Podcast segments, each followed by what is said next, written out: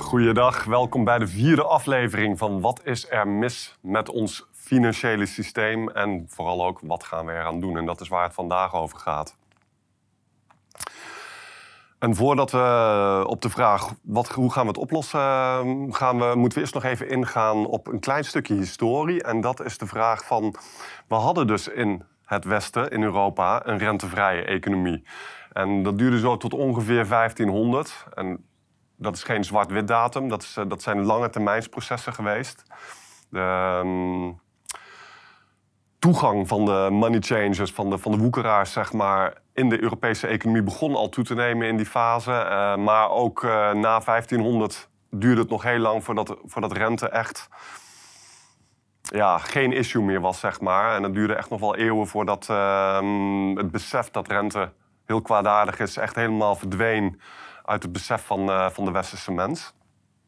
Maar 1500 was wel een beetje ja, een sleutel, uh, sleuteldatum daarin.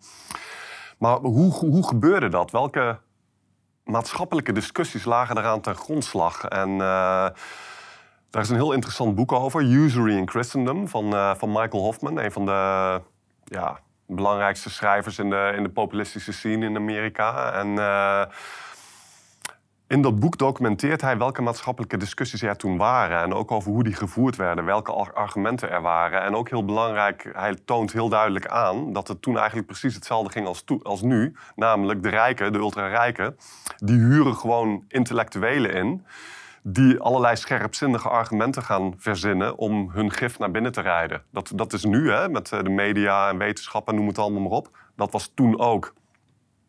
En uh, een aantal mensen hebben daar een hele belangrijke rol in gespeeld. Uh, die zal ik nu, uh, ik zal de twee zo dadelijk noemen, maar de, daar was een brede maatschappelijke discussie over. En er was ook een daadwerkelijk economisch probleem, een uitdaging. En die was dat er kredietschaarste was in de economie. Want uh, Francis Bacon, ik zal er eventjes naartoe scrollen. Francis Bacon, dat is een beetje een slecht plaatje, maar is een hele beroemde man tot op de dag van vandaag. Was een van de leidende intellectuelen van de 16e eeuw.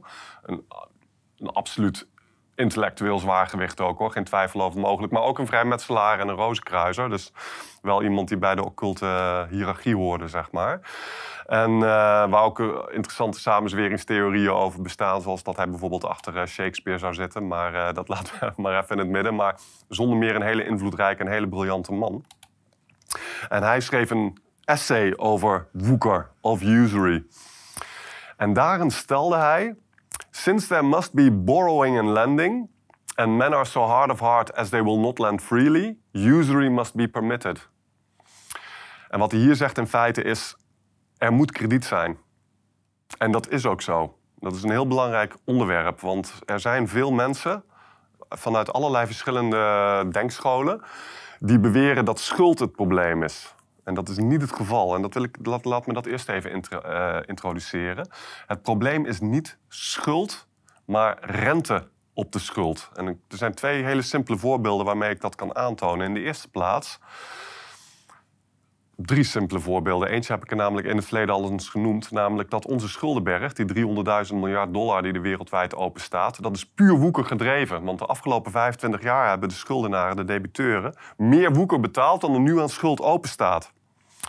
En ook Griekenland, hè, een land wat dus helemaal terug het stenen tijdperk in is gebombardeerd uh, door die schuldencrisis die ze daar hebben gehad met de eurocrisis. Zelfs Griekenland zou een hele schuld af kunnen betalen binnen 20 jaar met wat ze nu aan woeker kwijt zijn op hun schulden. Dus dat toont, dat toont aan dat woeker het uh, probleem is. En uh, een ander belangrijk voorbeeld is bijvoorbeeld een hypotheek. Kijk, we hebben nu lage hypotheekrente, dus het verhaal is iets minder duidelijk voor mensen. Maar nogmaals, we hebben lage rente de laatste 14 jaar, omdat we op life support zitten bij de centrale bank. En omdat de schuldenberg nu zo groot is dat we geen normale rente, normale rente meer kunnen betalen.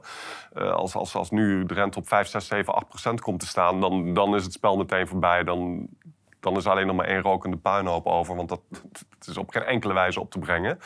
En. Um, um, Maar normaal gesproken, met een langjarig gemiddelde van rente, is 5% in het kapitalisme. En als jij, laten we zeggen, een hypotheek hebt met 5% rente. Dan stel je voor, je gaat 200.000 euro lenen. Met 5% rente heb je na 30 jaar heb je ongeveer 200.000 tot 300.000 euro rente betaald. Bovenop de 200.000 euro voor je huis. Maar voor die 200.000 euro van de schuld heb je je huis gekregen. Die 200 tot 300.000 euro rente die je daarna aan rente bovenop hebt betaald, daarvoor heb je niks gekregen. Niets, nul. Dus dat toont heel duidelijk aan, het, schuld, het probleem is niet schuld, het probleem is rente op de schuld. En er is een hele diepe behoefte aan kredieten in de samenleving. En dat, dat hangt bijvoorbeeld samen met het feit dat jonge mensen... die staan aan het begin van hun productieve leven...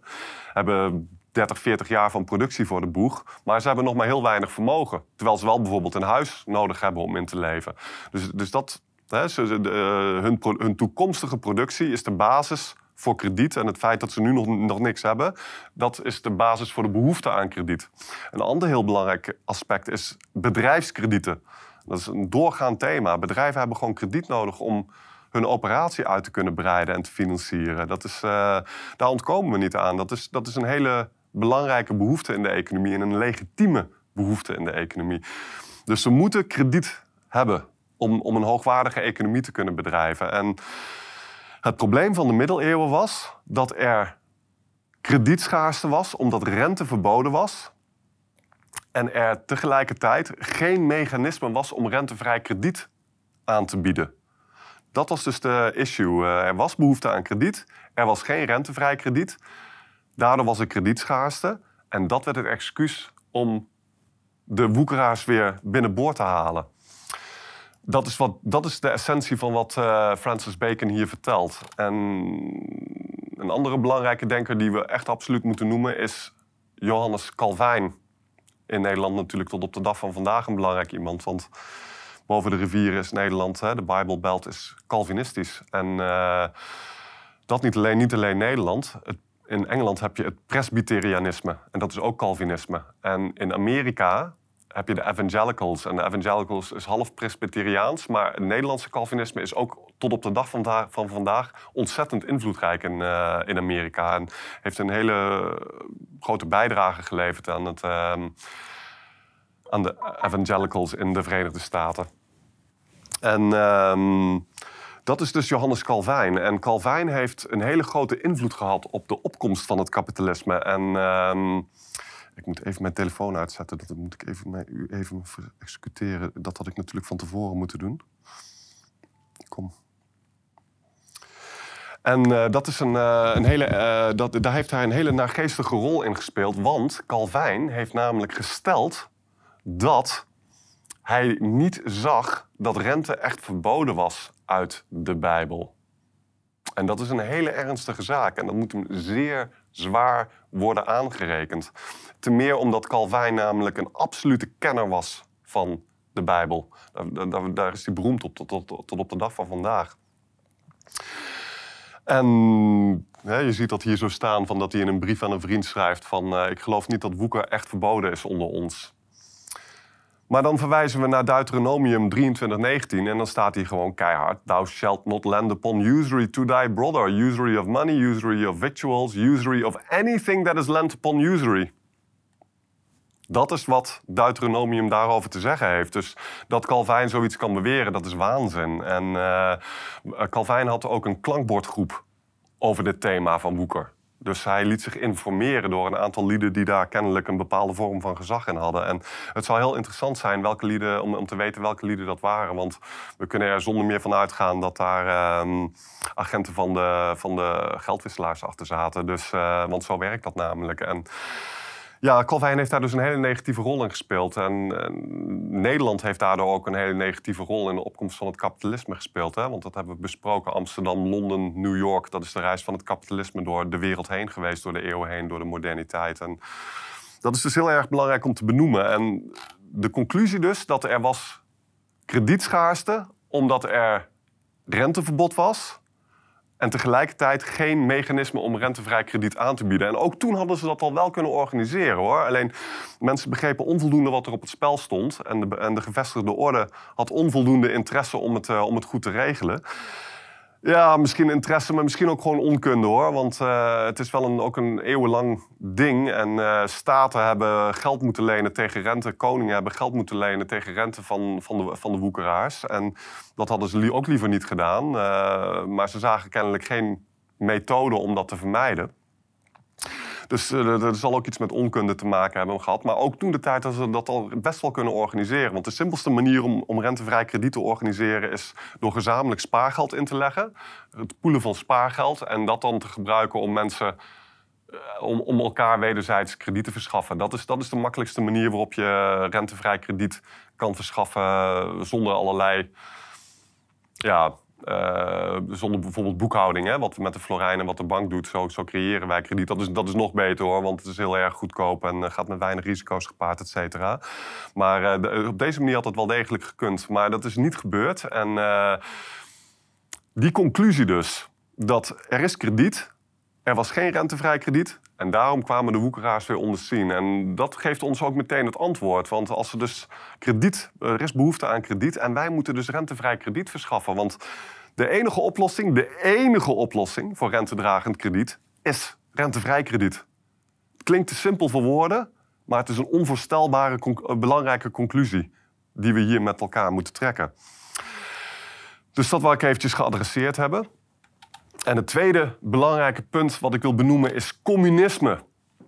Want ik heb uh, deze discussies voer ik al 10, 15 jaar. Heb ik letterlijk duizenden uren deze discussies gevoerd met talloze figuren, zowel in, in real life als, als online. En je wil niet weten hoe vaak ik voor de voeten geworpen kreeg van... oh, je bent tegen kapitalisme, dan ben je een communist. En dat is pure programmering. Wij worden zo geprogrammeerd.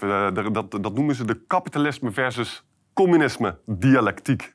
En dat is, laten zeggen, ook rechts versus links. En iedereen in de Truth Movement weet dat er is geen rechts en links. We, we trappen er wel weer iedere keer in.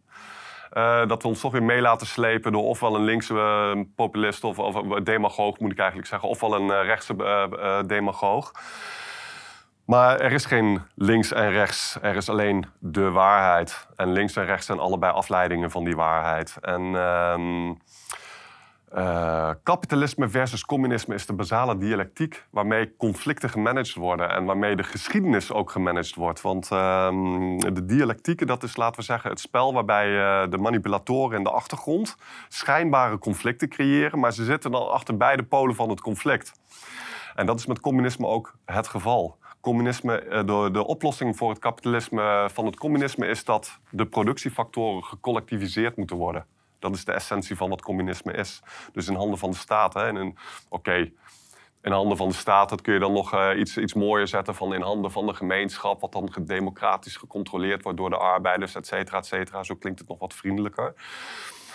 Maar um, wel degelijk gecollectiviseerd dus. En um, geen, geen daadwerkelijk eigendom bij de productieve klasse, dus de werknemers en de ondernemers. Dat is wat communisme is. En dat is ook het plan. Eh, nee, als je historisch gaat kijken, dan zie je ook dat communisme altijd gefinancierd is door het internationale financiële kapitaal. Er zijn bijvoorbeeld mensen als Trotsky, uh, iemand als Trotsky, die is, daar staat gewoon van vast. Dat is allemaal gedocumenteerd dat hij vele miljoenen heeft ontvangen van, uh, van internationale bankiers. En uh, het communist, Mao, Mao was een Rockefeller-pion. Dat is, ook, dat is ook goed gedocumenteerd. Mao was skull and bones. En de Rockefellers en het internationale financiële kapitaal hebben China eigenlijk veroverd met Mao. Zo moet je dat zien. En uh, ze hebben sindsdien ook China opgebouwd. Want China is opgebouwd door alle fabrieken van de Amerikaanse. Uh, Amerika's de uh, is, is, altijd het, de workshop van de wereld geweest, of in ieder geval sinds de 19e eeuw. En um, die machines die hebben ze doodleuk in China neergezet. Dus nu is opeens China de workshop van de wereld. En uh, de hele manufacturing base van de VS is weg. En uh, dat hebben ze niet voor niks gedaan. Dat hebben ze ook niet gedaan um, zonder ze heel zeker te weten dat die machines heel veilig stonden daar in China. Dus uh, het is zeker niet zo dat de Chinese regering onafhankelijk is van, van het internationale financiële kapitaal. Dus communisme, dat dat is de georganiseerde oplossing voor het kapitalisme. En uh, is het eindspel van het kapitalisme. Want wat is de situatie met het kapitalisme? De situatie is in feite dus dat er een internationaal kartel is. wat in feite dus een monopolie is. Wat, wat rond de banken is georganiseerd, hè, dus eerst de banken bovenaan, de centrale banken, uh, die hebben, zijn dan op hun beurt weer eigendom van de multinationals en nog veel meer, hele pluk land en dergelijke. En ook door het uh, lenen aan staten hebben ze die staten uiteindelijk onder controle gekregen. Alle staten. En dat kunnen we nu live zien gebeuren. Want wat is er de laatste maand gebeurd? Alle staten wereldwijd hebben de WHO de autoriteit gegeven om als ze een pandemie uitvaardigen en de WHO mag zelf bepalen wat een pandemie is, dat is hun autoriteit. En als ze die uh, pandemie uitvaardigen, als ze dus verklaren er is sprake van een pandemie, dan hebben de laatste maanden, Kuipers dus heeft dat, uh, is dat gaan lopen tekenen. Uh, alle andere staten doen dat ook, dus ook China, Amerika, Rusland, allemaal. Dan heeft de WHO de autoriteit die alle lokale, nationale grondwetten en andere wetten overrulen. En dan mag de WHO vanuit hun positie staten opdragen om dit of dat te doen. En dat is gewoon wereldregering, hoe je het went of keert. Het is een, een, een onvoorstelbare soevereiniteitsoverdracht die plaats heeft gehad. En het is alleen nog maar het begin. Er zijn ook andere dingen nu al gaande. Bijvoorbeeld de IMF wereldreservemunt, die, eh, die uh, als de, de, petrodollar als wereldreservemunt gaat opgevolgd worden door een IMF wereldreservemunt. Niet door de yuan, maar door een IMF wereldreservemunt. Dat is ook een heel duidelijk gigantische stap naar wereldregering. En, uh, maar dat is dus nu gaande. En nogmaals, alle staten hebben dat ondertekend. Dus de geldwisselaars hebben wel degelijk inderdaad alle staten onder controle. Dat is de enige onvermijdelijke conclusie hiervan. Zowel kapitalistische als communistische staten. Dus, um, maar wat is er nu aan de hand met het kapitalisme? We hebben dus dat grote internationale monopolie. En um, mensen vinden dat gemeen, weet je wel. Dat je een paar ultra-rijken hebt die... die dat allemaal in bezit hebben. Dus uh, laten we dat dan oplossen door de staten die uh, dat monopolie over te laten nemen. En uiteindelijk de wereldstaat. Dat is het spelletje wat ze spelen. Maar die staten staan dus onder de controle van dezelfde lieden als die het internationale kapitalisme bezitten. Dat, dat is het spel van het communisme. En het, en het collectiviseren van de productiefactoren, dat is dus precies wat ze willen. En wat rentevrije economie voorstaat, wat populistische economie voorstaat, wat, wat aanpalende uh, economische paradigma's, zoals bijvoorbeeld distributisme uh, voorstaat, is een daadwerkelijke decentralisatie van vermogen naar de productieve klasse toe. Dus weet je, een man en zijn familie die moeten gewoon in een huis kunnen wonen wat van hun is. De grond moet van hen zijn. Of ze moeten in ieder geval onvervreemd gebruikersrecht hebben op die grond. Onvervreemdbaar gebruikersrecht hebben op, de, op die grond. Um, uh, in een natuurlijke economie, daar hebben we het ook al over gehad, dan is er geen loonslavernij. Dan, dan is de norm dat, dat een man voor zichzelf werkt, als zelfstandige boer, als vakman, als wat dan ook. Maar dat hij voor zichzelf werkt. En um, dan moet hij ook eigenaar zijn van zijn werkplek en van zijn gereedschappen. En dat is de echte economische hervorming die we nodig hebben. En uh, dat is wat ze willen vermijden. En dat is ook wat iedereen wil. Kijk, uh, als je gaat vragen internationaal, als je daar onderzoek naar doet, die onderzoeken die zijn er, dan zie je dat er eigenlijk de grote meerderheid van de mensen die willen een conservatief sociaal beleid. Dus gewoon sterke gezinnen, sterke natie, um, geen massa-immigratie. En ze willen een sociaal-economisch beleid. Dat is wat veruit de meeste mensen willen. Dus um, sociaal rechts, zeg maar, en economisch links. Dat is wat mensen willen. En dat is interessant om dan te zien dat libertarisme is precies andersom. Libertarisme is sociaal links. Libertarisme staat voor vrijheid, dus iedereen moet kunnen doen en laten wat hij wil. Dat, dat is allemaal eigen keuze, et cetera. Maar eh, economisch is het zo rechts als het maar zijn kan dus uh, al, die, al die uitwassen van het kapitalisme, die, dat zijn volgens uh, het libertarisme uitstekende vrije marktoperaties. Dus uh, libertarisme is bijvoorbeeld ook voor, voor massa-immigratie. Dat, dat vindt libertarisme heel belangrijk. Daar zijn ze heel fanatiek over. Dat, dat iedereen het recht heeft om overal naartoe te gaan. Dat grote bedrijven het recht hebben om, om goedkope arbeid te importeren. Dus al die libertarische denktanks, die, die, die, die lobbyen ook doorgaan voor massa-immigratie. Dus ehm, dat is ook wel goed om eventjes in je oren te knopen. Oké, dus ehm, dat kapitalisme versus communisme is pure programmering. Laat je door niemand aan, aanpraten van dat als jij tegen kapitalisme bent, dat je dan een communist bent. Dat is dus zeer zeker niet zo. We zijn ook fel anticommunistisch, want dat is nog gruwelijker dan kapitalisme. En uh, ook het eindspel van het kapitalisme, het plan van de uh, kapitalisten. Wat wij voorstaan is een daadwerkelijke decentralisatie van vermogen naar de productieve klasse toe. En het ophouden van het weglekken van onze productie door onverdiend inkomen, zoals dus woekerhuisjes, melkerij, speculatie, naar lieden die niks presteren en die wel de grootste inkomens naar binnen trekken. Dus uh, dat, willen, dat, dat, is, dat is wat er op het spel staat. Dus dat even als, uh, als inleiding nog en als, als afhechting van een uh, paar losse eindjes die we, van, van wat we voorgaand besproken hebben. En dan gaan we nu door naar van wat moeten we er dan daadwerkelijk aan doen. En dan ga ik jullie eerst eventjes verwijzen naar deze pagina. Want hier heb je pages, hè? Dat, uh, dat heb ik jullie al eerder op gewezen. En dan hier rentevrije economie, dus interest-free economics. Dat is uh, de ware economische school, zeg maar. En uh, daar kun je gaan kijken. En ehm, dan zie je hier een hele serie artikelen staan... waarin ik in eerste plaats de problemen van Woeker bespreek. Hele, hele uitgebreide analyse, analyse, analyses van, uh, wat, uh, van wat Woeker is. Uh, van alle kanten bekeken. religieus, historisch, economisch. de wat, wat is de echte schade van Woeker, et cetera. Dat is de eerste helft. En de tweede helft is een, een zeer uitgebreide, en dat is een absoluut uniek dit. Dit, dit, dit vind je nergens, nergens anders. Een uitgebreide analyse, analyse van allerlei verschillende monetaire hervormingsprogramma's die er in de loop van de eeuwen zijn ontwikkeld. Niet alleen hervormingsprogramma's, maar ook ontwerpen van eenheden, van munten.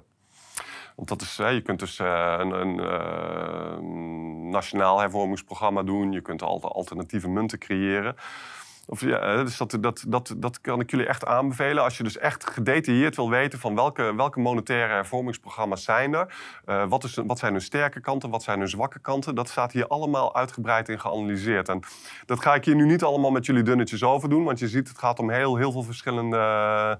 Uh, programma's hier zo. En, uh, maar wat ik wel ga doen is met jullie bespreken hoe je die kan beoordelen. Hoe kun je nu beoordelen dat als iemand een voorstel doet, of dat inderdaad gaat werken? En daaruit kunnen we dan ook meteen af gaan leiden van, uh, van hoe we het moeten gaan doen. En uh, voordat ik dat nu ga doen, is het ook goed om nog heel even iets breder te trekken. Want kijk, dit is namelijk een immens groot probleem. Hè? Ik bedoel, uh, kapitalisme, bankieren, onverdiend inkomen. Dat, dat, dat zijn enorme thema's die, die al onze levens van alle mensen in de hele wereld heel erg direct raken op heel erg veel verschillende niveaus. En er is dus ook niet een eenvoudig uh, oplossingje. En onze vijanden zijn ook heel erg machtig. Het groot kapitaal is gewoon onvoorstelbaar machtig. En dat enerzijds door hun vermogen, hè, want geld, geld is macht, zo simpel is het. Maar ook anderzijds door, uh, door de enorme informatieachterstand die we met elkaar, met, met z'n allen hebben. Want wij begrijpen, ons wij begrijpen A niet eens dat we een probleem hebben. Dan moeten we nog begrijpen wat het probleem is. En dan moeten we ook nog de oplossing eens een keertje gaan definiëren. Dat is een enorme informatieachterstand die we hebben.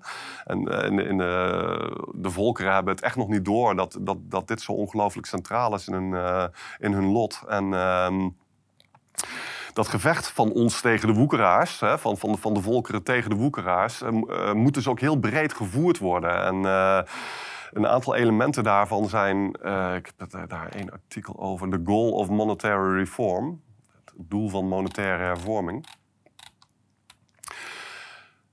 Er zijn een aantal levels waarop we moeten opereren met elkaar. In de eerste plaats moeten we pleiten voor nationale monetaire hervorming. Dat is wel degelijk heel erg belangrijk. Het libertarisme die zegt dan dat is socialisme, hè? omdat ze, ze, zij, vinden bankieren een prima vrije marktoperatie. Dat is veel beter dan. Uh, nationale geldverschaffing. Maar de werkelijkheid is dat de meeste mensen denken dat de overheid over het geldsysteem gaat. Hè? Dus, uh, maar dat is dus helemaal niet zo. En in de Nederlandse grondwet staat wel degelijk dat het de taak is van de Nederlandse overheid om fatsoenlijk geld aan te bieden, om een effectief geldsysteem aan te bieden. Uh, de, Nederlandse taak, de Nederlandse overheid heeft zich ook de taak aangemeten dat ze moeten zorgen voor de bevolking. Dus uh, er, is, er is voldoende legitieme wettelijke basis voor, voor verbetering van het geldsysteem en ook voor het naar zich toe halen van de geldverschaffing door de, door de overheid. En die hebben dat dan doodleuk eventjes uh, gedelegeerd aan de ECB. Dat, Nou ja, dat hadden ze natuurlijk nooit mogen doen, maar uh, dat even tezijde. Maar we moeten dus wel degelijk op overheidsniveau lobbyen voor hervorming van het geldsysteem. En dat is een paar jaar geleden nog best wel een enorm ding geweest. Want onze kameraden van Ons Geld, die hebben daar, uh, die hebben daar toen een voorstel voor gedaan. En uh, dat was een burgerinitiatief met, uh, met lieden als Ad Broeren en George van Houts. Die hebben zich daar toen ook aan verbonden. We, ehm, een enorme impact daarmee gehad. 100.000 handtekeningen opgehaald, zodat dat uh, bij de Tweede Kamer uh, aan bod zou komen. En ik had eigenlijk nooit zo goed in de gaten hoe ver ze daar wel niet mee waren gekomen. Maar ik sprak een van mijn kameraden daarover laatst, en, die, die bij ons geld zit. En, en die vertelde mij toen dat er toch echt wel een heleboel stemmen waren, ook binnen de Tweede Kamer, die er toch wel echt wel um, serieus hebben behandeld. Dus uiteindelijk werd het weggestemd. Maar ze zijn een stuk verder gekomen dan, uh, dan, je, dan we misschien zo gauw hadden voorgesteld. Maar dat is op zich heel erg interessant. En die strijd moet met verdubbelde inspanning weer worden aangegaan. Want uh, het zou het gemakkelijkste zijn als we het inderdaad gewoon van overheidswegen doen. En uh, hoe, hoe, we dat dan moeten organiseren, daar, moeten we het zaak, daar gaan we het zaak nog even verder over hebben. Maar we moeten dus wel degelijk op overheidsniveau streven naar monetaire hervorming. Dat is een hele belangrijke prioriteit. In de tweede plaats, kijk, de overheid is een moloch. En uh, de overheid is nu ook gewoon in handen van de geldwisselaars. Hè. Dat, dat is nu ook onomstreden. We, hebben het nu allemaal gezien dat, uh, dat al die knoeiers bij de WEF zitten. Dus uh, ze werken voor vreemde mogendheden. Dat, dat, die vreemde mogendheid is de, um, dat zijn de geldwisselaars. Dus dat kunnen we niet af gaan zitten wachten. We moeten absoluut niet gaan afzetten wachten tot de overheid eens een keertje van de pot komt. Dat kunnen we ons, zeker ook in deze fase, met de grote, grootste depressie in aantocht, kunnen we ons dat absoluut niet permitteren. Dus we moeten zelf in de markt actief zijn. Want er zijn allerlei alternatieve munten in de markt. Uh, met name de rentevrije munten, hè. de lokale munten, die zijn, die zijn daarin dus heel erg belangrijk. En uh, de crypto's nou ja, daar hebben we het al over gehad. Daar ben ik niet zo enthousiast over, zoals jullie weten. Hoewel je ook op blockchain, eh, op basis van blockchain positieve munten kan maken. Hoor. Dat, uh, alleen de, de, grote meerderheid van de cryptomunten zijn niet positief. Maar uh, dat kan wel. Maar er zijn, er zijn dus ook met name de rentevrije munten. Van de Stichting Stro, de Dam in Amsterdam de watermunt in het waterland. Uh, dat, dat zijn allemaal concrete voorbeelden van, van lokale munten die dus geld lokaal houden en uh, alleen maar voor het MKB circuleren. En, uh, en op die manier helpen om de, de excessen van het financiële systeem te lenigen. Dan moet ook nog een hele. En de Florijn natuurlijk, hè, laten we die niet, niet vergeten. Ik kan wel mijn collega's pluggen, maar de Florijn hoort er ook bij. maar. Um, en dat is dus ook een heel belangrijk front waarin we actief moeten zijn. En op dit moment is dit het belangrijkste front, moet ik heel eerlijk zeggen. Als er, als er een paar uh, geïnspireerde individuen zijn, zoals uh, onze kameraden van Ons Geld uh, een paar jaar geleden, dan, dan hebben ze mijn volledige zegen. En dan, dan, kunnen ze me ook dag en nacht bellen om, om te komen helpen. Maar ehm, voor nu is, is, is, is de markt het, belangrijkste front, zeg maar. En...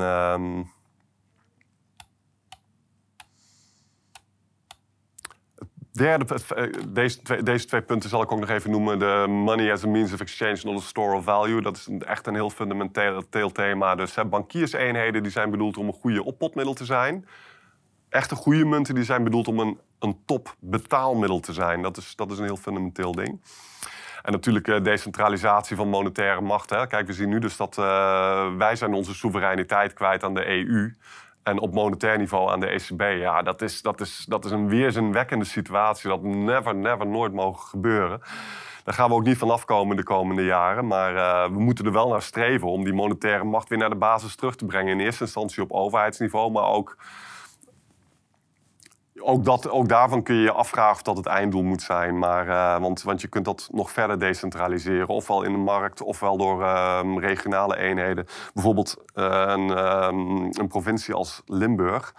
Die, die zou best wel, en, ook het noorden, die zouden best wel baat hebben bij een, bij een eigen monetair systeem. Dus om, dat zijn kwetsbare economieën namelijk. Hè. De, de lekt de hele tijd koopkracht en uh, welvaart naar, uh, naar de Randstad toe uh, vanuit die gebieden. En ehm, dat zouden ze deels kunnen verhinderen door, door daar een eigen geldsysteem te, um, in, in te voeren.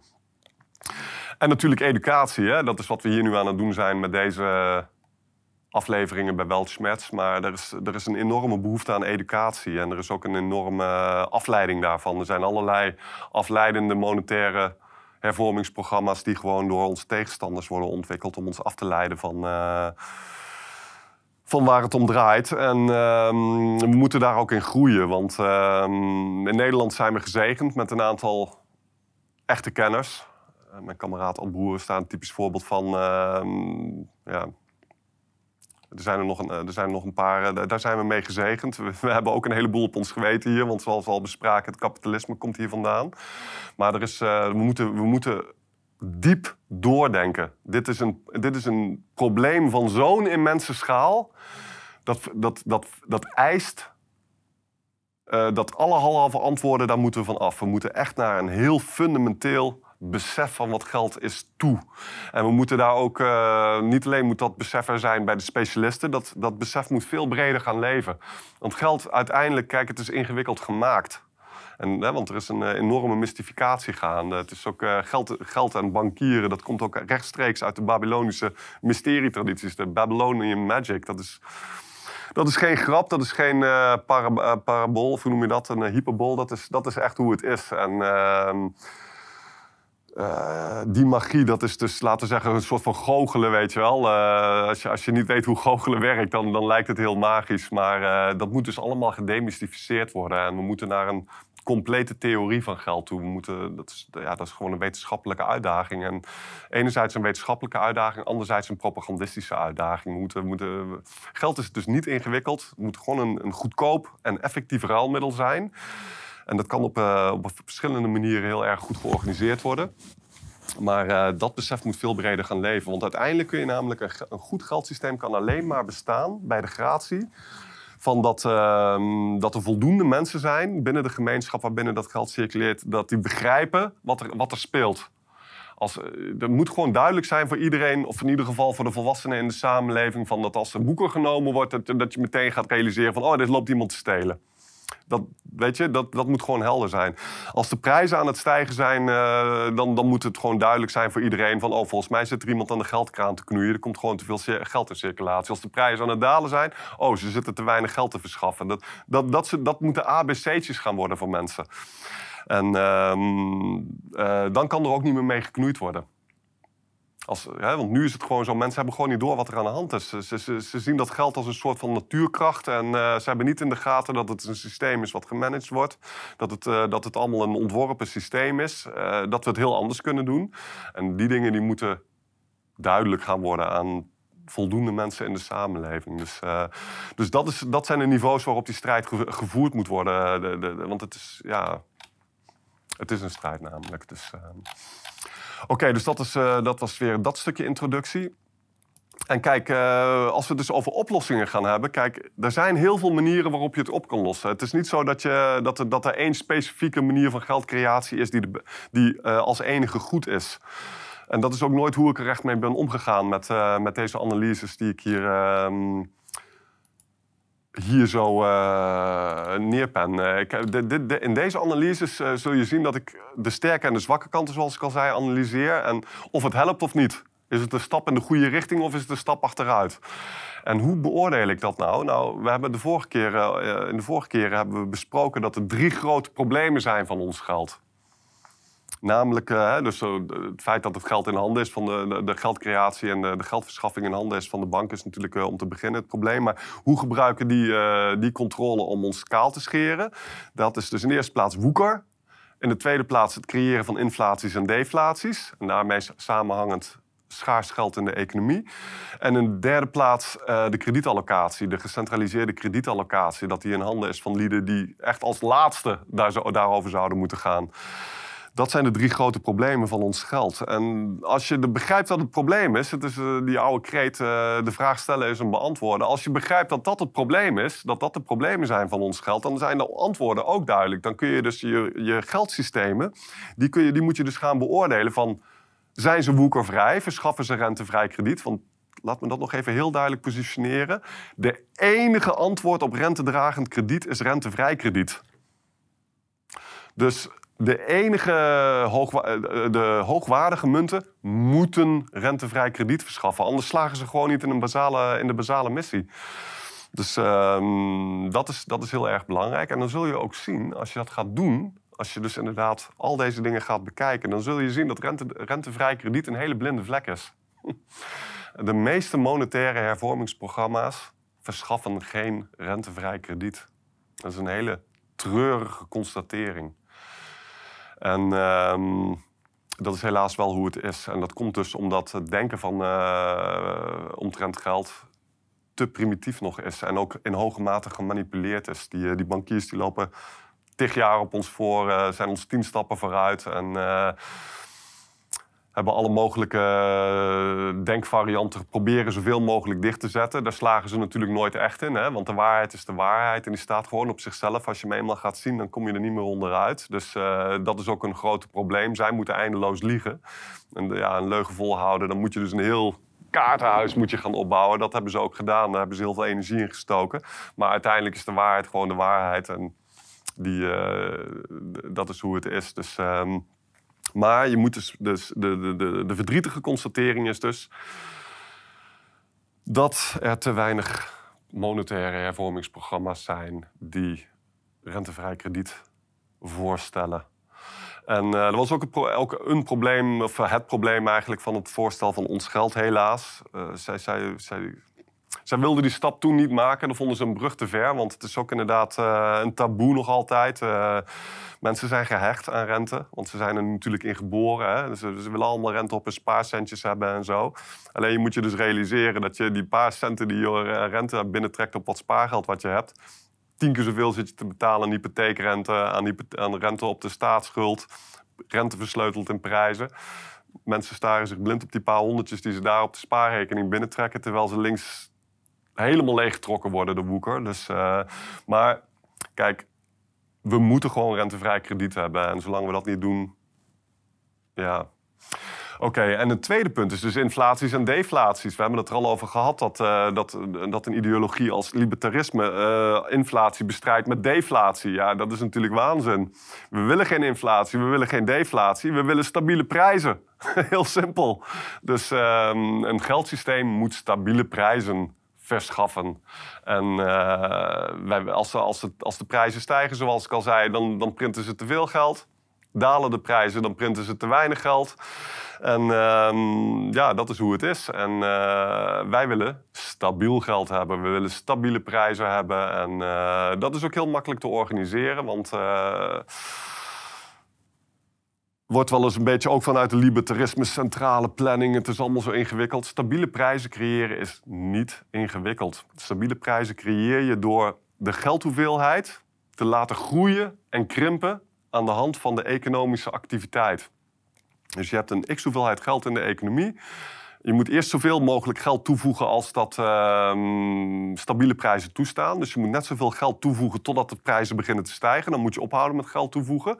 En dan, moet je de, dan, dan heb je een, een stabiele situatie. Als je merkt dat, en als de economie dan bijvoorbeeld 3% groeit, dan is er ook 3% meer geld in de economie nodig om het stabiele prijsniveau gaande te houden. Hebben we daarna te maken met bijvoorbeeld eh, demografische achteruitgaan, dat, de gang dat je bevolking aan het krimpen is, dan moet je geldhoeveelheid dus mee gaan krimpen met, ehm, met de dalende economische activiteit als gevolg van de dalende bevolking, et cetera. En dat is geen ingewikkeld verhaal. En op dat, als, je, als je het zo organiseert, dan volgt het geld dus de productie. En dat is precies andersom als wat we nu hebben. Want nu is het zo dat de banken die creëren inflaties en deflaties... door eerst in, eh, veel te veel geld toe te voegen, dan is er een inflatie... en dan veel te weinig geld toe te voegen of geld uit circulatie te gaan halen. Dan ontstaat er een deflatie. En dat stuurt dan de economische activiteit. Tijdens die inflatie begint de economie als een gek te groeien. Tijdens de deflatie is er een krimp, is er recessie en depressie. En dan, dan zie je dat het geld drijft de economische activiteit. Dat is precies andersom als wat we willen hebben. Wat wij moeten hebben is dat de reële economie, de geldhoeveelheid, vooraf gaat. En dat eh, het geld de, eh, de economische activiteit volgt. En dat is in het verleden vaak goed gelukt. Er zijn, weet je, het hele idee dat... eh, hè, want voordat er overal bankgeld was, was er overal eh, lokaal soeverein geld, zeg maar. Geld wat door soevereinen gecirculeerd werd. En er zijn gewoon talloze voorbeelden van uh, soevereine geldvoorzieningen die, die eeuwenlang goed gefunctioneerd hebben. Zonder al te veel inflaties en deflaties en noem het allemaal maar op. Het idee dat uh, alle, alle fiat geld tot, tot nul terugkomt, et cetera, dat is historisch simpelweg niet het geval. Klaar, punt, uit. Dus um, Bijvoorbeeld die Tellystex, die, die, die in Engeland eeuwenlang de economie financierde totdat de Bank of England het overnam. Dat, dat was gewoon een, goed werkend geldsysteem. Ook al verschafte het dan geen rentevrij krediet, was een groot probleem ervan. Maar het was wel gewoon een, uh, een soevereine geldverschaffing die, die, die stabiel was e eeuwenlang. Dus uh, dat kan wel degelijk. En uh, er zijn allerlei voorbeelden van hoor, niet alleen de Tellystex. Dus uh, ook bijvoorbeeld de Amerikaanse ehm, koloniën de Amerikaanse koloniën die, die hadden colonial scrap, zo heette dat. Dat was uh, tot, tot ver in de 17e eeuw, eh, ver in de 18e eeuw was dat, uh, was dat het geld wat ze gebruikten. En Benjamin Franklin, een van de founding fathers van de Verenigde Staten, die heeft ook verteld, heeft nagelaten een quote van... Uh, nee, de, de, de onafhankelijkheidsoorlog werd niet veroorzaakt door belastingen. Uh, hij werd veroorzaakt doordat de, Crown, dus uh, het Britse imperium, die begon belasting in goud te eisen. Terwijl zij dus hun eigen fiat-systeem hadden, gebaseerd op lage rentegeld. Uh, het was niet helemaal rentevrij, maar wel uh, zeer lage rente. En dat leidde tot de enorme economische groei in de, in de Verenigde Staten. En toen begon de Crown die begon dus belastingbetalingen in goud te eisen. En dat betekende dat goud het, uh, het geld begon over te nemen in de Amerikaanse economieën. En dat leidde tot een catastrofale depressie in de kolonies. En dat was de oorzaak van de onafhankelijkheidsoorlog. Niet volgens mij, volgens Benjamin Franklin. Oké, en um, dat is dus inflaties en deflaties. En het derde verhaal is, het derde aspect is dat we dus democratische kredietallocatie moeten hebben.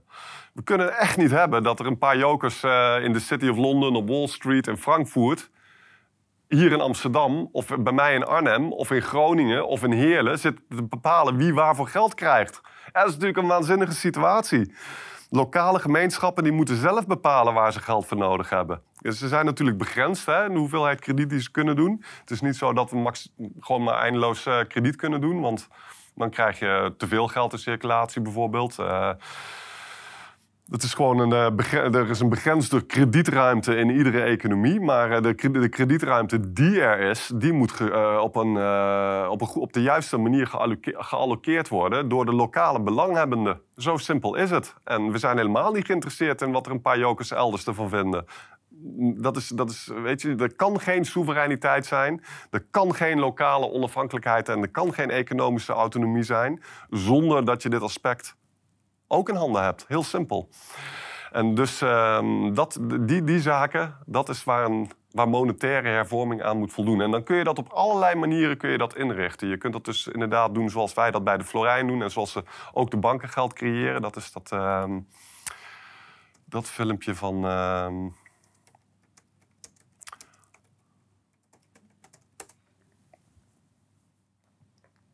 Dit filmpje, dat, dat, dat kun je echt eens een keertje goed bekijken. Dat, uh, daarin laat ik echt zien hoe eenvoudig je dus geld kan creëren met dubbelzijdige boekhouding. Ik kan dat nu hier niet echt uh, handig voor jullie doen, helaas. Maar ik kijk daar maar eens naar. Maar dat is, dat is hoe het bij de Florijn werkt. Uh, maar uh, dat is één voorbeeld waarop je het kan doen. Je kan ook bijvoorbeeld schuldgrijp, wat ze noemen een demurage. Dat is een heel grappig dingetje. Wat geld, rentevrije economie gaat vaak gepaard met omdenken. Maar de grap is dat je dus, uh, we hebben het er al over gehad, en dat circulatiesnelheid van geld, dat is een hele goede indicator voor de effectiviteit ervan. Want geld moet rollen, geld moet rondgaan in de economie. Als het een goed betaalmiddel is, dan rolt het. En uh, dat kun je bevorderen door een, negatieve rente in te voeren.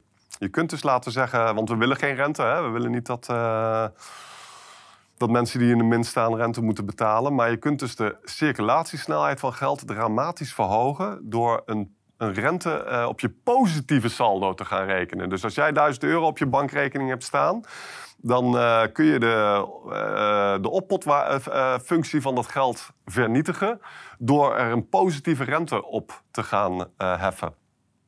En dat leidt tot een dramatische versnelling van de circulatiegraad, uh, snelheid van je geld. En daar zijn in het, in het verleden ook experimenten mee gedaan. Het is, het is een uitvinding van Silvio Gesell. Dat is een ja, onbekende en zeer ondergewaardeerde, maar zeer belangrijke populistische economische denker. Die zowel landhervorming als monetaire hervorming op een ja, hele effectieve wijze heeft geanalyseerd en besproken. En ook heel veel impact daarmee heeft gehad.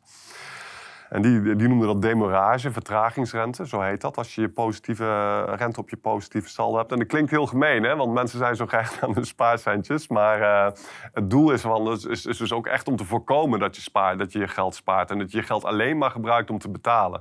Want je mag wel vermogen verzamelen, maar je moet daar geen geld voor gebruiken. Want dat, dat, dat is wat we al besproken hebben. Dus, um, en dat is dit verhaal hier zo. Even kijken, waar heb ik hem? The Power of Demorage, the Wurgle Phenomenon. En dat is een fantastisch verhaal, dit. Je had dus een, uh, in de jaren 30 had je een uh, geldschaarste verhaal natuurlijk. Hè? Want de grote depressie, zoals ik jullie heb uitgelegd, dat was een deflatie. En deze meneer hier was burgemeester in een klein dorpje in Tirol.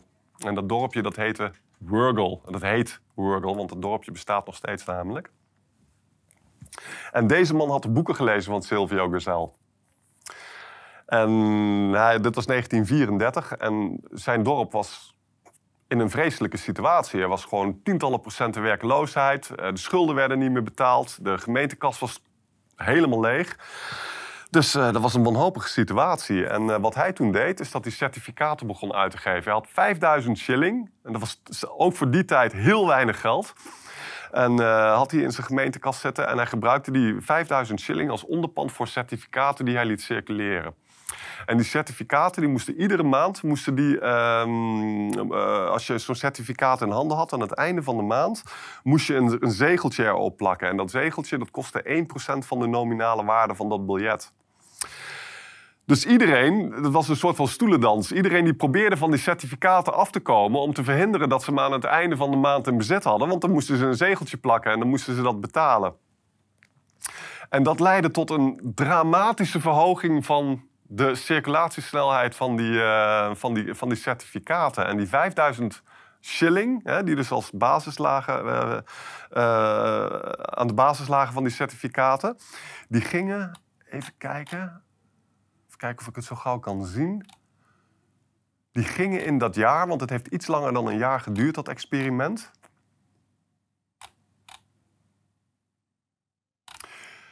Ik kan het zo gauw even niet zien, maar uh, die gingen iets van 140 keer rond dat jaar. Dus met 5000 shilling, die 5000 shilling die gingen 140 keer rond. Dus dan is het 5000 keer 140, uh, werd er aan economische activiteit mee ge financiert. Dus dat is 700.000 uh, shilling in een klein dorpje, zeg maar. En dat, dat, dat leidde tot uh, oplossing van alle problemen. Dat is geen grap. Binnen een jaar was de volledige werkgelegenheid in Burgle. Er werden um, publieke werken meegedaan. Uh, er werden lantaarnpalen langs de wegen gezet. Er werd een brug geopend. Dus tot op de dag van vandaag staat die brug er nog. En er staat heel trots bij op, een, op een plakkaat. Um, deze brug is gefinancierd met vrijgeld. Vrij geld. Dat is tot op de dag van vandaag staat dat daar. En dat was dus een, een formidabel succes. En um, wat er gebeurde in Oostenrijk op dat moment... was dat allerlei dorpjes in de omgeving... die wilden dat toen ook gaan doen. Want die wilden natuurlijk ook uit de misère komen. En dat leidde tot een, uh, een paniekreactie van de centrale bank in Oostenrijk. En die hebben dat toen echt onder dreiging van een militaire overname van het dorp hebben ze dat geld toen verboden. Dus uh, dat was echt een hysterische ingreep door de, door de centrale bank in, uh, in Oostenrijk. En ook een onvoorstelbaar criminele interventie. Want ja, die centrale banken die zitten natuurlijk die deflaties te creëren. Dus uh, die waren er niet gelukkig mee dat zo'n zo'n heikenneuter uit, uit Wurgel... dat hij dat eventjes voor zich gefixt had. Dus ehm, die, waren, die, die, en die hebben er op deze manier een einde aan gemaakt. En heel tragisch. En deze man die heet Unto Guggenberger. Dat is ook een hele mooie naam natuurlijk. Michael Unto Guggenberger. En uh, die is ook heel beroemd geworden daardoor in, uh, in de populistische scene. Hij werd bijvoorbeeld door iemand als Ezra Pound opgezocht. Ezra Pound is een paar keer in, uh, in Wurgle geweest. En ehm, Ezra Pound is natuurlijk ja, ja, een van de belangrijkste populistische denkers uit de 20e eeuw. En eh, ook een van de belangrijkste poëten uit de 20e eeuw, uh, Nobelprijswinnaar en noem het allemaal maar op. Die ook heel veel voor monetaire hervorming heeft gedaan in de jaren 30. En uh, Later is gedeformeerd daarvoor natuurlijk, maar uh, een hele belangrijke tegenstander van de money power. En uh, die heeft hem een aantal keren opgezocht. Maar ook, ook politieke grootheden. Een of andere Franse premier, ik ben even zijn naam kwijt, maar die heeft hem ook opgezocht om te onderzoeken hoe hij dat deed. En we moeten ook zien van uh, wat het alternatief is gebleken. Hè? Want meneer Unter Guggenberger die wist dat dus lokaal op te lossen zonder een centje pijn, zonder iemand ook maar tekort te doen, behalve de geldwisselaars die al die boeken graag hadden gezien. En graag iedereen zagen lijden in de deflatie. Maar verder had er niemand last van, uh, van wat hij deed. Integendeel, uh, de werkloosheid was weg en alles. Dus uh, mensen waren gewoon weer gelukkig. En het alternatief was Hitler. Als je het niet regelt, dan krijg je dus types als Hitler. En dat leidde ja, tot de problemen waarvan we weten dat die er zijn geweest. Dus ehm, ja, dat gaat ook in de komende jaren weer een ding worden natuurlijk. Hè. Ik bedoel, ehm, als er een grote depressie komt, dan kan dat ook weer tot zo'n scenario gaan leiden. Dat is een hele ernstige situatie waar we in zitten met z'n allen. Dus dat benadrukt alleen maar hoe belangrijk het is om, uh, om met monetaire hervorming aan het werk te gaan. Dus, uh... Maar je hebt dus allerlei manieren waarop je rentevrij geld en rentevrij krediet kan doen, waarop je monetaire hervorming kan doen. En jullie en ik en iedereen kunnen al die verschillende programma's beoordelen door te vragen: verschaft het rentevrij krediet? Is het inflator of deflator? En is er een democratische kredietallocatie aanwezig? In, uh, en dat is een beetje, dat, dat vind ik beter om in jullie uh, te overhandigen dan, uh, dan één specifieke oplossing. Ik ga ook niet vertellen dat mijn Florijn, of ja, mijn, maar van mij mijn collega's, dat dat de oplossing is. Ik pleit dus voor een hele brede aanpak van monetaire hervorming. Educatief, op overheidsniveau, in de markt, op lokaal niveau, noem het allemaal maar op. Uh, want onze tegenstanders zijn ook op alle fronten bezig. Wij moeten op alle fronten moeten we antwoorden verzinnen. We moeten alleen wel heel erg helder hebben van wat we beogen. Rentevrij krediet, stabiele prijzen, geen geld met geld verdienen. Geen, ook heel belangrijk, heb ik nog niet eens genoemd, maar we hebben al geconstateerd hè, dat het doel van het financiële systeem is om onze productie in handen te krijgen van lieden die geen zin hebben om te werken.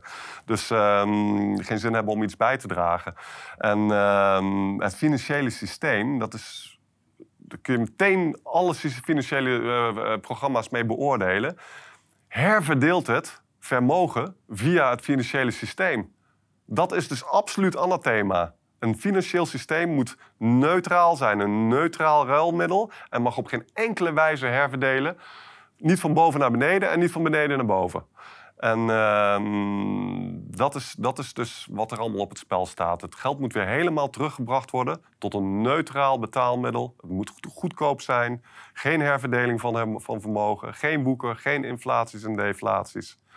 En democratische kredietallocatie. En dat is waar een monetaire hervorming moet voldoen, waaraan hoogwaardig geld moet voldoen. En, uh, en dan krijgen we de situatie dat alle productie aan de basis blijft. En dan is de situatie dat als jij 100 produceert, dat je bijna 100 kan consumeren. Want kijk, we willen wel degelijk iets met publieke voorzieningen. We zijn, er zijn sommige zaken die moeten collectief georganiseerd worden. Dus 10% eh, belasting, dat, dat ben je altijd kwijt dat is, dat is ook prima als jij, laten we zeggen, we zitten wel, want nogmaals, we produceren nu 100 en we, consumeren 10 als wij nu waar we naartoe willen, is 100, 100 produceren en 90 consumeren. Dat is, dat is een beetje het, de eindfase waar we naartoe moeten. En dan hebben we ook alle voordelen van rentevrije economie. En, en wat zijn dan die voordelen? Want daar wil ik mee afsluiten. Want het is, we, het goed om de problematiek te analyseren, maar het is ook heel belangrijk om een visie te hebben van waar we naartoe gaan, van hoe we zouden leven in een rentevrije economie. En uh, dat heb ik in een ander artikel hier beschreven, die ga ik even bijpakken. Namelijk The Economy of the Promised Land. Hoe zouden we leven als we niet geregeerd werden door woekeraars en huisbazen, landlords. Want dat is ook wel eventjes goed om eventjes uh, te benoemen. Kijk, monetaire hervorming is de eerste prioriteit van populistische economie. Tweede, het broertje van monetaire hervorming is landhervorming. Wij kunnen echt niet toestaan dat, uh, dat er een paar adellijke families zijn en dat soort figuren. En natuurlijk geldverschaffers, want die hebben de adel overgenomen gedurende de moderniteit. Dat die al het grond bezetten. Dat willen we helemaal niet hebben. En al die, al die grond moet ook terugkomen. Dus de zieke situatie is dat het land in Engeland nog steeds in handen is van dezelfde lieden als die meekwamen met Willem de Veroveraar in 1066. En tot op de dag van vandaag betaalt het Britse volk land huur, aan die roverhoofdmannen. Want dat is namelijk wat hertogen en graven zijn. Dat zijn mannen met een zwaard die het land zijn binnengetrokken en met grof geweld hebben overgenomen. En uh, de landlords in, de, in, Engeland, de dukes, de, de, mm, de, wat heb je allemaal, de markiezen en de, en mm, nou ja, al die, al die figuren, eh, die ja, in al die paleizen wonen, in die prachtige landhuizen en noem het allemaal maar op. Dat waren gewoon de luitenanten van Willem de Veroveraar uit 1066. En het zijn dezelfde families die nu nog steeds eigenaar zijn van het land in Engeland. Het is bizar dat we dat met z'n allen hebben laten gebeuren. Dus, uh, maar dat is, ons, dat is ons menselijke verhaal. En grondhervorming is dus het, het jongere broertje van uh, monetaire hervorming. Zeg ik, waarom zeg ik dat zo? Waar, je zou, je zou kunnen, namelijk kunnen denken, grond is nog belangrijker. Maar het punt is dus dat ehm, die, die Willem de Veroveraar, die, die kwam binnen en die, die, die, die, die stal het land met, met het zwaard. Maar gedurende de moderniteit is heel veel van het land via hypotheken in handen gekomen van de woekeraars. Dus de woekeraars hebben het spel uiteindelijk gewonnen. De money changers. Dat is, dat, is, dat is belangrijk om te beseffen. En daarom moeten we dus eerst het geld regelen. Maar die grond moet terug. En in de toekomst moet het zo zijn dat een productieve mensen... Die, en, en mensen die moeten gewoon eigenaar zijn van hun eigen huis... hun eigen werkplek, hun eigen gereedschappen. Dat, dat is waar we naartoe gaan. En hoe ziet het er dan uit? Dat je 15 weken per jaar werkt om je gezin te voeden. En dat was namelijk de situatie in 1500. En nu zijn we zo ongelooflijk veel verder qua technologie. We hebben automatisering, we hebben fabrieken, we hebben machines. Dus eh, we kunnen een onvoorstelbare levensstandaard met elkaar hebben. Met veel minder werk. Er moet altijd gewerkt worden. Daar moeten we niet moeilijk over doen. Er zal tot, tot de laatste dag moeten gewerkt worden. Maar ehm, dat slavenbestaan wat wij hebben, dat je twee inkomens nodig hebt, 40 uur per week. En dan zitten wij in Nederland nog goed. Hè? Maar denk aan die Amerika Amerikanen, zogenaamd het rijkste land ter wereld. De gemiddelde Amerikaan, normale Amerikaan, moet 50 weken per jaar, 50 uur per week werken. Het is, dan ben je niet rijk, dan ben je gewoon hartstikke arm. We gaan af van loonslavernij. Een man werkt gewoon weer voor zichzelf. En ik spreek van een man, want ja, we zitten in, een, uh, in, een, in de postmoderniteit en er hoort feminisme bij. Maar uh, dat, dat. Ja. Ik laat het maar even in het midden, want anders worden mensen boos op me. Maar. Uh, mannen en vrouwen die, die gaan weer veel meer vrije tijd krijgen. Er gaat veel meer tijd samen doorgebracht worden, met de kinderen doorgebracht worden. Het is een absoluut afschuwelijke situatie dat de zorg voor kinderen eh, gedelegeerd is aan de staat. Want, uh, want pa en ma die zijn veel te veel van huis om te werken. Onze ouders die zitten weg te kwijnen in, uh, in overheids verzorgingscentra. En dan mogen ze blij zijn als ze twee luiers per dag krijgen. Mensen, het kan helemaal niet. Dat is een ontsporing. Dat is, dat is nauwelijks voor te stellen. Wij moeten voor onze ouders zorgen. Wij moeten zelf voor onze kinderen zorgen. Dat, dat willen we ten diepste ook. Het is afschuwelijk dat onze kinderen vanaf de, de, jongste jaren in, in, in commerciële opvang zitten. Eh, die, en, en, daar in feite aan, aan systeemindoctrinatie onderhevig zijn. De kinderen doen het ook gewoon veel slechter daar dus, uh, dan bij hun ouders. Dus dat kan allemaal helemaal niet. Willen we ook helemaal niet. En, en, en, we gaan alle tijd weer krijgen om dat weer in eigen handen terug te nemen. Dus ehm, de levensstandaard zal veel hoger zijn. Weet je, we zitten nu in kleine hutjes. Uh, in Engeland is het zo dat, uh, en dat zal in Nederland niet veel beter zijn, maar in Engeland is het zo, Engeland is even dicht bevolkt als Nederland. Hè? En alle, alle Engelsen, en ik heb het dus niet over Britten, ik heb het over Engelsen, uh, leven op 5% van het landoppervlak. Dus Engeland is een zeer dichtbevolkt land. En met, met een enorme bevolking van 40 miljoen. En ze leven op 5% van het beschikbare land.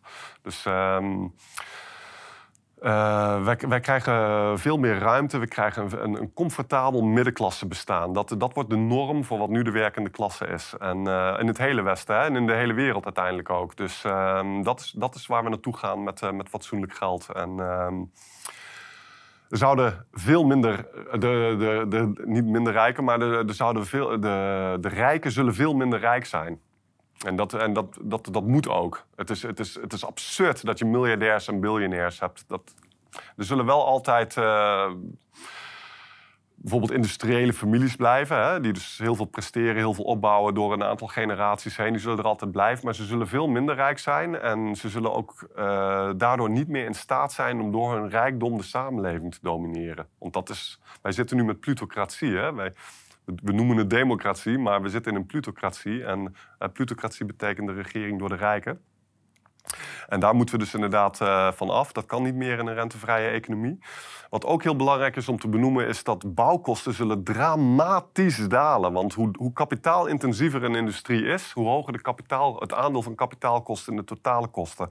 En als je gaat kijken naar, laten we zeggen dat als jij een huis koopt en je doet dat met een hypotheek, dan een huis van 2 ton koopt, wat kost dat uiteindelijk? 5 ton. Als je dus alle rente ook hebt betaald, als je na 30 jaar hebt afbetaald. Maar dat huis van 2 ton, zeg maar, uh, dat is voor 2 ton gebouwd. Maar als je dus gaat kijken naar doorberekende kapitaalkosten in die productieketen, dan zie je dat dat bij bouwen 75 procent is. Dus een hele kapitaalintensieve industrie. Dus dat huis wat jij voor 2 ton koopt, dat kostte 50.000 om te bouwen. Dus het kostte 50.000 om te bouwen. Jij koopt het voor 2 ton. Je doet dat met een hypotheek. En dan, dat kost dus uiteindelijk 5 ton. Dat, dat, dat is de de absurde situatie die we ons hebben laten verkopen. En dat betekent dus, want dat is het probleem, maar de kans is dus ook enorm. Dat betekent dus dat we kunnen bouwen tegen een absolute fractie van wat we nu kwijt zijn. En dat gaat leiden tot een enorme culturele en architectonische uh, herreizenis. He, want tot op de dag van vandaag kun je zien dat prachtige gebouwen werden gebouwd tot ongeveer 1700. En daarna ging het ergens gruwelijk mis. Als je ziet wat er nu gebouwd wordt, ja, dat is echt spuuglelijk en uiterst um, demotiverend, demoraliserend. Die, die, gebouwen worden ook gebouwd om 50 jaar of 100 jaar mee te gaan. Dat is een absurde situatie. Onze voorouders lieten gebouwen na die er na duizend jaar nog staan. Dus... Um, um, toegang tot, tot land voor, voor normale mensen. Waar we naartoe gaan is dat je, dat je een, een woning hebt en een stukje land om op te verbouwen. En uh, uh, niet, niet, er zullen altijd steden blijven, maar dat is een andere kwestie. Er komt ook een, um, een terugkeer van urbanisatie. Uh, om allerlei redenen ga ik nu even niet meer op in. Maar uh, urbanisatie wordt in hoge mate gedreven door een deflatie in het platteland. Dus er is te weinig geld in de plattelandeconomie. Daardoor stort die economie in. En dat heeft mensen door de eeuwen heen naar, naar de steden gedreven. Dat is een heel onbegrepen, maar heel erg fundamenteel ding.